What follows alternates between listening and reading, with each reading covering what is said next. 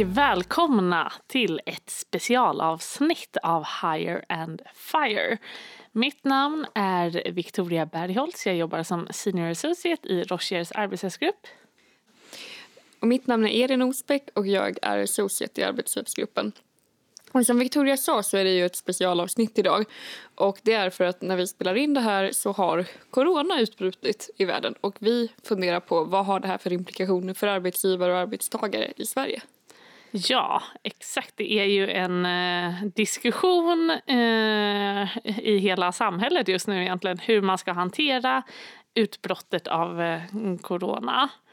Eh, och vad man då som arbetsgivare ska tänka på. Vad har man för skyldigheter mot arbetstagarna? Vad har man för rättigheter att kräva av arbetstagarna?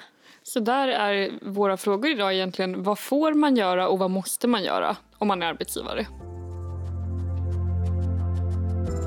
Elin, för oss är det väl lite extra aktuellt. Vi har ju en resa till norra Italien inbokad om ett par veckor. Ja. Den kan man väl tänka sig att den eh, inte kommer att bli av. Men om vi nu skulle bestämma oss för att trotsa UDs rekommendationer, trotsa Folkhälsomyndigheten och åka till Italien. Mm. Vad händer då? Kan vår arbetsgivare tvinga oss att eh, jobba hemma när vi kommer hem och inte komma in till arbetet? Ja, om vi åker till Courmayeur då får vi fundera på vad har Rocher för arbetsmiljöansvar för oss och för våra kollegor. Och arbetsmiljöansvaret, då får man notera att covid-19, alltså corona, eh, i folkmun klassas som en allmän farlig och samhällsfarlig sjukdom. Eh, och då har man ju som arbetsgivare ansvar för systematiskt arbetsmiljöansvar och man måste se över vilka arbetsuppgifter och situationer som kan utsätta anställda för covid-19. Det finns också en föreskrift, en arbetsmiljöföreskrift om smittrisker. Mm, som reglerar hur man som arbetsgivare ska göra för att hantera smittrisker i verksamheten. Och eh, covid-19 det är någonting som då har klassats som ju en farlig sjukdom, eller det har fått riskklass 3 eh, på skalan. Och det innebär att man som arbetsgivare har ja, men, Eh, helt enkelt arbetsmiljöskyldigheter och måste vidta vissa skyddsåtgärder. Så som arbetsgivare så måste man faktiskt se till att göra vad man kan för att undvika att eh, de anställda utsätts för några onödiga smittrisker. Så det kan ju faktiskt vara så att om vi skulle välja att åka till det här eh, smittområdet att eh, eh, våra arbetsgivare inte bara har en rättighet utan faktiskt en skyldighet att se till att vi inte är på arbetet, åtminstone inte om vi uppvisar några symptom. Precis, så att till andra arbetsgivare ute där så vill vi verkligen säga att man behöver ta fram riktlinjer och policies för att minimera risken för smittspridning. Ja, och det kan man ju se runt om i Sverige just nu att eh, väldigt många, kanske de allra flesta arbetsgivarna har policies som säger eh, i vilka situationer som man inte får komma in till arbetet.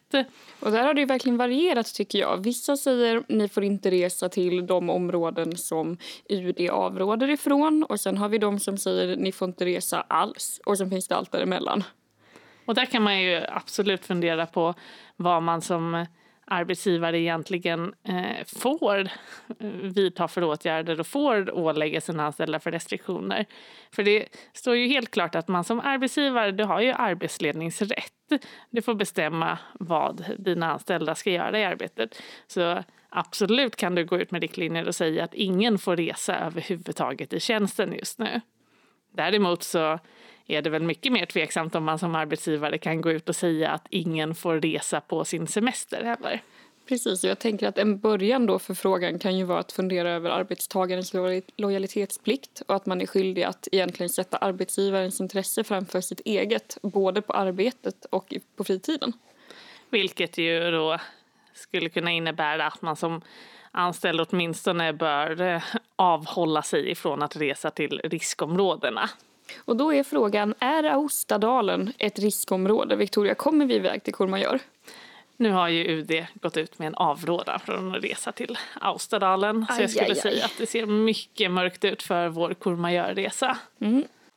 Men om vi däremot väljer att åka någon annans som inte är ett riskområde Då har jag väldigt svårt att se framför mig att eh, våra arbetsgivare skulle kunna förbjuda det. Däremot så kan de ju gå ut och säga att eh, ja, men vi vill inte att ni kommer in till arbetet. Just det, och om då vi reser till ett område som inte är ett område som UD avråder ifrån och Jenny säger, som är vår chef, att nu får inte ni komma in till arbetet. Får hon dra av vår lön då? Nej, det skulle jag säga att hon inte får göra. Eh, om arbetsgivaren bestämmer att nu ska ni jobba hemifrån då är det ju inom arbetsgivarens arbetsledningsrätt helt enkelt att bestämma var en anställd ska utföra sitt arbete. Eh, men den anställda ska ju ha lön för det.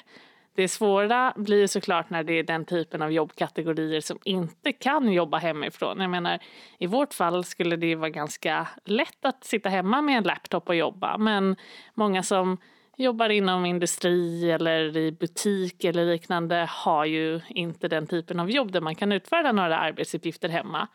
Och då blir det ju betydligt svårare. Men utgångspunkten där är ju ändå att eh, så länge som det är arbetsgivaren som har bestämt att man ska vara hemma då har man rätt till lön.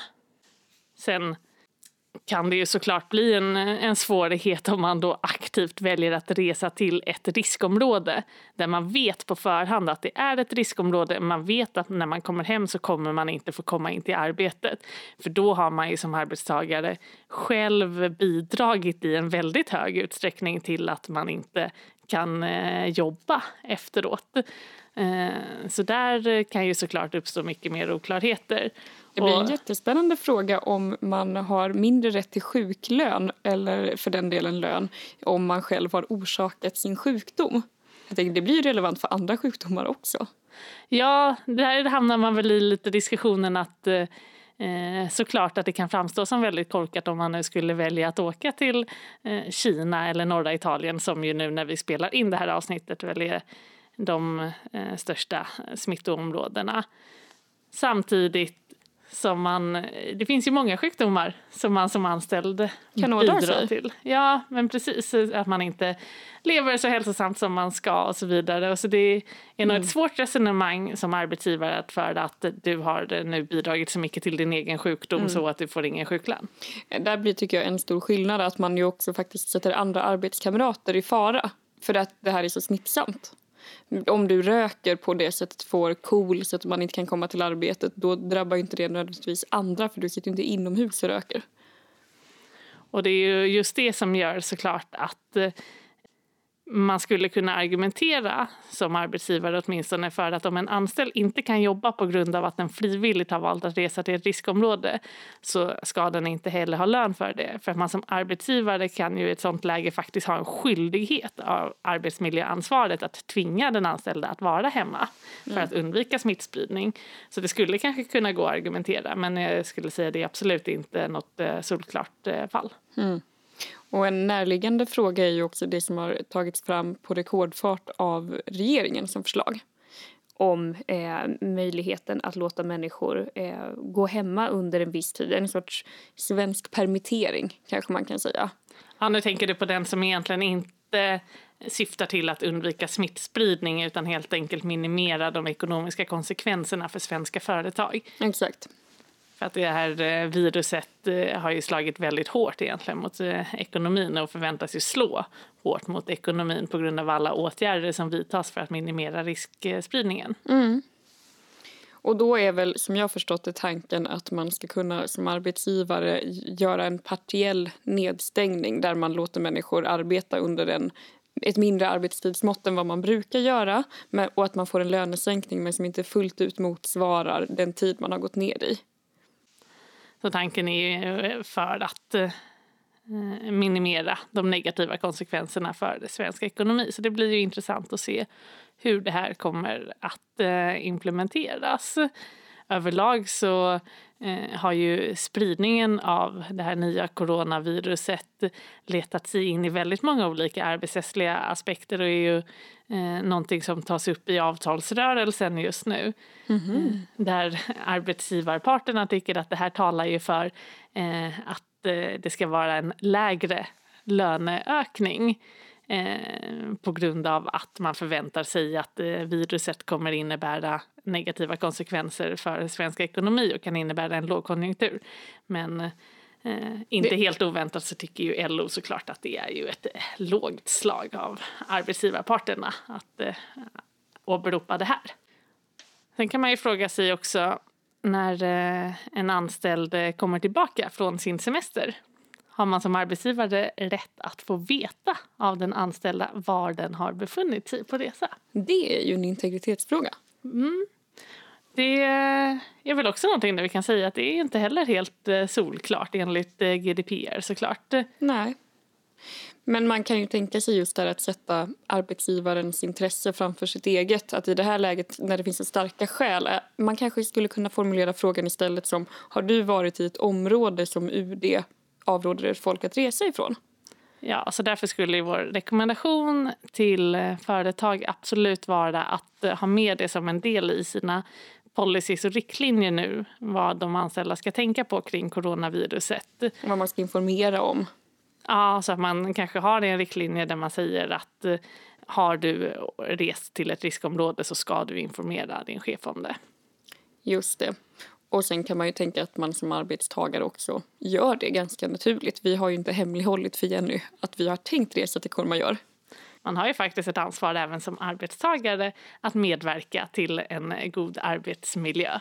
Så det skulle ju kunna ses som att man inte uppfyller det ansvaret som arbetstagare annars. Absolut. Så vi får helt enkelt eh, se vad som händer framöver om de här frågorna kommer ställas på sin spets. Hittills så eh, verkar ju många arbetsgivare ha kunnat lösa det genom att anställda får jobba hemma. Men om det skulle bli en större smittspridning, ja då kanske vi får återkomma med ett nytt avsnitt längre fram, men det hoppas vi ju verkligen inte. Och under tiden så kollar Victoria och jag på andra boenden i andra områdena av Alperna. Där det inte eh, sprids någon corona för tillfället. Vi kanske får hålla oss här i Sverige, men vi ska åka skidor i alla fall, Elin. Ja. Och med de orden så avslutar vi det här specialavsnittet av Higher and Fire och vi hörs framöver med förhoppningsvis ett lite gladare ämne. Keep calm and carry on. Hej då!